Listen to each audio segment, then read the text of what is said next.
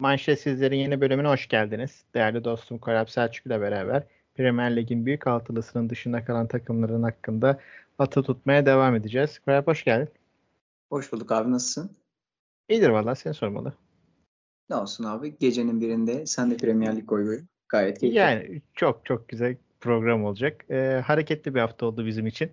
Özellikle Steven Gerrard için hareketli bir hafta oldu. Ee, Pep Guardiola ve City'yi görünce dayanamayan Gerrard yine bir puan almayı başardı. Yine bir daha doğrusu City e, kışkırtmayı başardı. Bir kere geldiler, iki kere geldiler ama e, puan almayı başardılar. E, sen de maç hakkında güzel gözlemlere sahibim demiştin. Neler söylemek istersin? Güzel gözlemlere sahibim. City'yi seyrettik genel olarak. Yani iyi oldu. City, tabii tabii iyi oldu. City'yi daha net görmüş olduk. Bir de şunu konuşmuştuk seninle yayına girerken de. Yani hani Gerard biraz hazır olduğu derse denk geldi. Geçen se- geçen senenin son haftası Manchester City ileydi son maçları. Yani Liverpool'un şampiyonluğu da biraz Aston Villa'dan dolaylı yoldan da Gerrard'ın elinden geçiyordu. Bu noktada iyi bir hazırlık görmüştük. Hatta neredeyse maçı kazanıyordu da son yarım saat içerisinde Manchester City'nin kendini bulup oyunu çevirmesiyle şampiyonluk geldi. Yani o benzer bir planı gördük aslında. Oradaki kadar üretken değillerdi ileride. Hani son haftanın stresi olmasından kaynaklı Manchester City savunması biraz daha tedirgindi geçtiğimiz sene. Fakat daha rahat bir karşılaşma geçirdiler. Zaten istatistiklere baktığımız zaman da galiba %25'i aşmayan bir topla oynama yüzdeleri var. Hani bu da oyunun nasıl bir tempoda geçmiş olduğunu gösteriyor. Fakat e, Gerard'ın burada da e, biraz verimsiz de görünmüş olsa istatistikler noktasında şunu görebiliyoruz kontrol oyununda iyi. Yani hani savunma noktalarında gayet oyunu kitleyebiliyor. Manchester City'ye karşı bunu yapabiliyor olmak zaten gayet yeterli bir referans. Evet, e, bir de Aston Villa için şöyle bir e, güzel bir hafta onları bekliyor. Bundan sonraki süreçte aslında kendilerinden daha fazla kaos olan takımlarla oynayacaklar. Örnek veriyorum Leicester City. Örnek veriyorum Nottingham Forest gibi. E, hani bir galibiyeti veya hiç galibiyeti olmayan takımlarla önümüzdeki haftalarda karşılaşacaklar. Evet City maçı onlar için de bir açıkçası hedef maçı değildi. Tabii ki de Liverpool, Gerrard, işte Guardiola, ne bileyim City muhabbeti illaki bu ilişkiler kuruluyor. Ama hani City ile çok da baş edebilecek bir maç beklemiyorduk. Nitekim öyle de oldu ama yani Pep'in böyle maçları var yıl içerisinde böyle 4-5 tane maçı var. Bundan önceki, önceki sezonlarda da görüyorduk. Hani boş vermiyor ama o maçın gerçekten 2-3 gole çıkmayacağı çok bariz belli olan bazı maçlar vardır. City'de öyleydi yani 700 kere geldiler. 800'e yakın pas yaptılar yani. %90-92 idi yanlış hatırlamıyorsam pas isabetleri. Ee, yani keyifli bir maç oldu açıkçası ama belliydi City'nin kazanamayacağı. Ben hatta yayından önce şey demiştim. Hani, çok da kazanmaları gereken bir hafta değildi. Zaten Arsenal hani puan kaybedecek ya da kaybetti gözüyle bakıyorlar. Nitekim öyle oldu zaten. Hani onlar için de tam bir böyle bay haftası gibi bir şey oldu.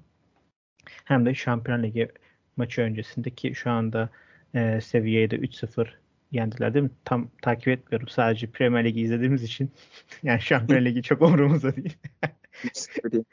Aynen evet, Şampiyonlar Ligi evet, manşetsizler. Evet. Yani, yani Şampiyon Ligi'nin manşetsizleri yapılır mı? O da ayrı bir içerik konusu. E, Aston Villa bundan yani bu hafta sonu e, kendileri için e, aslında tamam devamı maçı demek istemem tabii ki de ama en azından kendilerini görebilecekleri bir maç oynayacaklar. Leicester'a e, konuk olacaklar. Daha sonra Soton'a e, kendi evlerinde hmm, konuk edecekler. Güzel bir fikstür onları bekliyor açıkçası. Ta ki işte e, Ekim'e kadar değil mi? Evet Ekim ayının ortasına kadar top 6 takımları oynamayacaklar. Bunlar için e, tabii ki de olumlu sayabileceğimiz özellikler. E, dilersen bir sonraki konumuza geçeyim. E, Brighton. Brighton yani hafta sonu gerçekten buldu ilk sonuncusunu. döşedi de döşedi. e, yani bardan iptal olan kararlar, onlar bunlar keyifli oyun. Gerçekten Brighton en son ne zaman 5 attı? Ben hatırlamıyorum. Tenezzül edip bakmadım da atmamışlardır diye. O yüzden. Yoksa çünkü geçen sene şunu konuştuğumuzu hatırlıyorum. Brighton Graham Potter'i göndermek gibi bir planı vardı. Yani en azından taraf Graham Potter'i istifaya çağırdıklarında Ee, şöyle bir döngülerlerdi. Zaten oyun sistemleri gene değişmiş durumda değil. Yani orta sahada çok presler ve hızlı hücuma çıkan bir takım. Bu da biraz da e, reaktif bir oyun ortaya koymuş olduğu için bu reaksiyon içerisinde de sık pozisyona ya da sık golle karşılaşmıyorsunuz. Yani maç içerisinde şöyle söylemek gerekirse ortalama 10-11 şut içerisinde geçirdiklerinde takımlar. Brighton için bu biraz daha düşük bir rakam oluyor. Yani 6-7 ve bunların içerisinden net pozisyonlarla skoru bulmuş oluyordu. Fakat bu sene gelişen kadro yapısıyla birlikte işte Graham Potter'in geçirmiş olduğu yıllarla sisteminin daha iyi oturması, lige iyi başlangıç yapmalarının vermiş olduğu özgüvenle birlikte çok rahat galibiyetler alıyorlar. İşte bunu United karşısında da gördük. Bu hafta zaten artık performanslarının zirve zirve dönemleriydi. Hani bu sene evet bol gollü karşılaşmalarla birlikte bol gollü karşılaşmalar seyrettiriyor taraftarlarını. Burada Graham Potter'i alkışlamak gerekiyor ya da Premier Lig'de biraz da alıştığımız bir döngü aslında. Ba- belli kulüpler belli hocalara sabrediyorlar ve sabrettiklerinde de eğer doğru atılımı yapıyorsan ki Graham Potter bunu kesinlikle hak eden hatta e, daha üst mercileri de hak ettiğini düşündüğümüz bir hoca. Yani manşetsizlerin zirvesine çıkmayı hak ediyor. Bu noktada bu sene başarılı bir dönem geçiriyorlar. Geçtiğimiz seneyi West Ham konuşarak geçirmiştik. Bu sene de gündemimiz Brighton. Evet hani bir de Brighton maça gol yiyerek başladı. Sonra bir e, kendi kalesine gol attı Thomas. Onunla beraber maç 1-1 oldu ve ondan sonra gerçekten de çok çok keyifli bir maç oldu. Çok da denediler. Maç, maç içerisinde yani ona yakın kornerleri oldu işte offside'a düştüler. Hep çabaladılar ve gerçekten de hani yani ortada giden çok da bir maç olmadı ama e, gerçekten hani böyle kırılma anlarında sorumluluk alan oyuncularla beraber skoru da elde ettiler. Yani 90 artı yere bile gol attılar yani. İlk 10. dakikadan 90 dakika 90. dakikanın uzatmasına kadar bir gol atan bir Brighton gördük ve gerçekten statta büyük keyif aldı. Bizler ayrı keyif aldık. Ee, helal. Sakın manşetsizler programında ölmekle alakalı bir şeyler yapma. Ee, Brighton'ın en son ne zaman böyle 4-5 gol attığına bakayım dedim. Çünkü gerçekten hatırlayamadım bir an. Var mı aklında birisi? 4-5 dersek United var 4 gol. Abi gerçekten United büyüklüğü bambaşka bir şey. Brighton Mayıs ayında atmış. Unutmuşum ben onu. Ki sene başı ben de söyledikten sonra düşündüm. Hani Brighton en son ne zaman 3 golün üzerine çıktı işte 4-5 gollü galibiyet aldı diye. Daha bu sene e, kaçıncı haftaydı hatırlamıyorum. Açılış haftası değil galiba ama.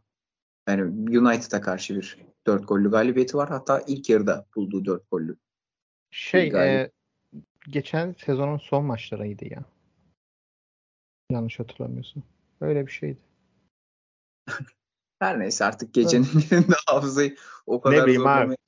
Aynen. Takip etmiyoruz yani, ki Manchester United'ı bize ne. Aynen Manchester United ilgilendiğimiz mecralar içerisinde değil. Fakat beklenilen bir performans mı? Beklenilen bir performans. Yani çünkü şey yok. E, öz hücum yöntemi var. Yani Brighton'ın karşılaşmış olduğu pozisyonların çoğu kontratak olmuş olduğu için işte birebir hücum şanslarını buluyor. Geniş alana çok, çok iyi yayılıyorlar ve geçiş hücumunu özellikle bu sene çok iyi yönetiyorlar. Hani bu tempo içerisinde de skora kolay ulaştıklarını söylemek mümkün çünkü e, şu dönemler içerisinde en azından çok net pozisyonlara giriyorlar ama şunu biraz endişem var şu noktada. Geçen sene West Ham'da bunu yaşamıştık. Yani bir yerden sonra artık ligin flash takımlarının taktikleri çözülüyor. Yani evet. özellikle bizim gündemimizde konuşmuş olduğumuz takımlar için daha kısıtlı ve mütevazi kadroları olmasından kaynaklı olarak da bir yerde bu sisteme önlem alınıyor. Yani bunun sisteme de önlem alınması aslında karşı pres en kolay sisteme önlem alınması alınan sistemlerden bir tanesi. Ligin yarısı böyle oynuyor. Ligin zirvesinde Liverpool bunu oynuyor ve burada biraz da e, elinizdeki topla oynama yüzdenizi biraz düşürüp topu rakibe verdiğinizde ana plan topu sizden kapmak ve ondan sonrasında hızlı hücum olmuş olduğu için buradaki döngüyü biraz bozabiliyorsunuz ve güvenli bir sistem aslında. Yani savunma kurgunu hiç bozmamış oluyorsun. Oturmuş bir savunmada. O yüzden Brighton'ı ben aslında lig sonuncusuna şu anda 5 gollü bir galibiyet aldı ama ligin son sırasındaki takımlara daha çok zorlanacağını düşünüyorum. İlerleyen dönemlerde özellikle. Evet çünkü sürpriz maçlara e, çok açık olacak şeyler göremeyebiliriz ileriki dönemlerde ki West Ham'da bunu gördük. Bir de sezon ilerledikçe yani kopmaları illaki yaşanacaktır. Ama en azından ilk hafta haftada hani Brighton'ın ilk dörtte olması açıkçası sevindirici bir şey. Çünkü kolay kolay puan alabileceğiniz bir takım olarak gözükmüyorlar yani. Eylül'ün ilk haftası olarak böyle bir şey. Ama şu da söz konusu. Liverpool, Chelsea, Manchester United gerçekten hani hafif hafif gelmeye başladılar ve yukarıları zorlayacaklar. O yüzden de hani Brighton ne kadar tutunabilir o zaten e, uzun bir süre tutulmasını beklemiyoruz. Hani 3-4 hafta daha evet. Ondan sonra zaten orta sıradaki o ölüm kalım maçları ortaya çıkacak. E, ölüm kalım maçı demişken bir Everton Liverpool maçı izledik ki yani 40'a yakın şutun çekildiği, 27 tane topun yani 27 kere topun direğe vurması, Pickford'ın yine vatanı savunur gibi savunduğu bir Liverpool maçı oldu. Gerçekten dişe diş kana kan eti de benim kemiği de benim denilen bir maç ortaya çıktı. Keyifliydi. Uzun bir süre sonra Everton'ın böyle başa baş bir oyun ortaya koyması beni şaşırttı. En son 5 yıl olmuştu Liverpool'un şöyle bir maç çıkarması. Ee, hele özellikle Lampard açısından daha da sevindirici. Tabii tabii yani şeyde bu tarz bayrak adamlarda bunu görüyoruz. Pickford'a gerçi ne kadar bayrak adam denir orası tartışılır ama bütün kariyerini Everton'da geçirdiğini söylemek mümkün. Yani hani Everton kontratının olmadığı bir sezonu Premier Lig'de yok. Kiralık olarak gitmiş olduğu takımları var ama ana gövdesi Everton'ın temel taşlarından bir oyuncu. Ve böyle olunca da tabii Liverpool maçlarına odaklanması çok daha farklı oluyor. Bunu ligimizde Volkan Demirel Galatasaray vakasında görüyorduk. Yani hani gündelik bir performansın 10 üzerinden 8 diye puanlarsam onda 10 performansı çıkıyor derbiler içerisinde. Ve Pickford da bu şekilde Liverpool maçlarında sadece bu bu maçı özgü değil. Bu maç fakat kariyerinin maçı olabilir. Yani Liverpool resmen dövdü Everton kalesini fakat Pickford geçit vermedi. Yani hani burada galibiyeti Lampard evet sevindi ama Lampard'a da çok gezemiyorsun. Kalene gelen 40 tane şut var. Yani hani bu 40 tane şut içerisinde gol yemek mucize gibi bir nokta. Mucizeyi Pickford'la özdeşleştirebiliyorsun. Çok ekstrem bir performanstı. Ama bu yanıltıcı da bir yerde. Yani hani bu hafta evet. Pickford haftanın oyuncusu olarak seçebiliyoruz ama çok istikrarsız bir oyuncudur. Yani önümüzdeki haftada hiç beklenmedik bir takımdan önümüzdeki haftalarda hatalı goller yiyebilir ki kariyerinin bir döneminde milli takıma kadar yükselmişti Pickford. Hani orada da milli takımda çok kalıcı olamadı. Çünkü belli bir noktada baskıyı da çok kaldırabilen bir isim değil. Ya da kariyerin iyi gittiği noktalarda da bu iyi gitme durumu istikrarsızlığı yaratıyor. Yani biraz Pickford'un odaklanma problemi var diyebiliriz. Sezon boyunca devam edecek bir performans değil ne yazık ki. Yani bu yetenek setinin çok üstün olduğunu gösteriyor aslında Pickford için ama biraz da risk boyutu yani hani getirilerinden getirilerini düşürecek yani kariyerinin daha iyi bir takıma gitmesini engelleyecek seviyede götürüleri mevcut. Aynı zamanda modern döneme de çok uymuyor aslında. Ayakları pas yapmaya uygun değil. Yani hani oyun kurmaya uygun değil. Lampard için de zorlayıcı bir tercih. Fakat bugün günün günün kurtarıcısı oldu. Evet yani bir de bunu zaten göz önüne alarak e, sahaya çıkıyorsun. Pickford'u ben birazcık hani bizim Süper Lig'de oynayacakmış gibi hissediyorum. Yani davranışları, taraftarı kendine çekmesi ama sahip verdikleri tamamen orantısız. Hiçbir oranı yok yani. Hani bir önceki programlarımızda da söylemiştim. Hani yüz ifadesi bile insanı böyle hani kendine çekmiyor. Ve Liverpool maçında bu sefer olumlu yansıdı. Yani tuttuğu toplardan, kurtardığı toplardan sonra hani arkadaşlarını da hırslandırdı. Tabii 90. dakikaya kadar gelirken hani o sürelerde böyle yine kızdı siz ne yapıyorsunuz tarzına böyle söylendi. E paşam kusura bakma da yani yılda 3-4 maç yapıyorsun. Ona da gerek yok sanki. İşte hani Cody Tarkovski ikilisine çok yüklenmene gerek yok onun için. Ya Lampard bir değişiklik olarak sadece iki değişiklik kullandı.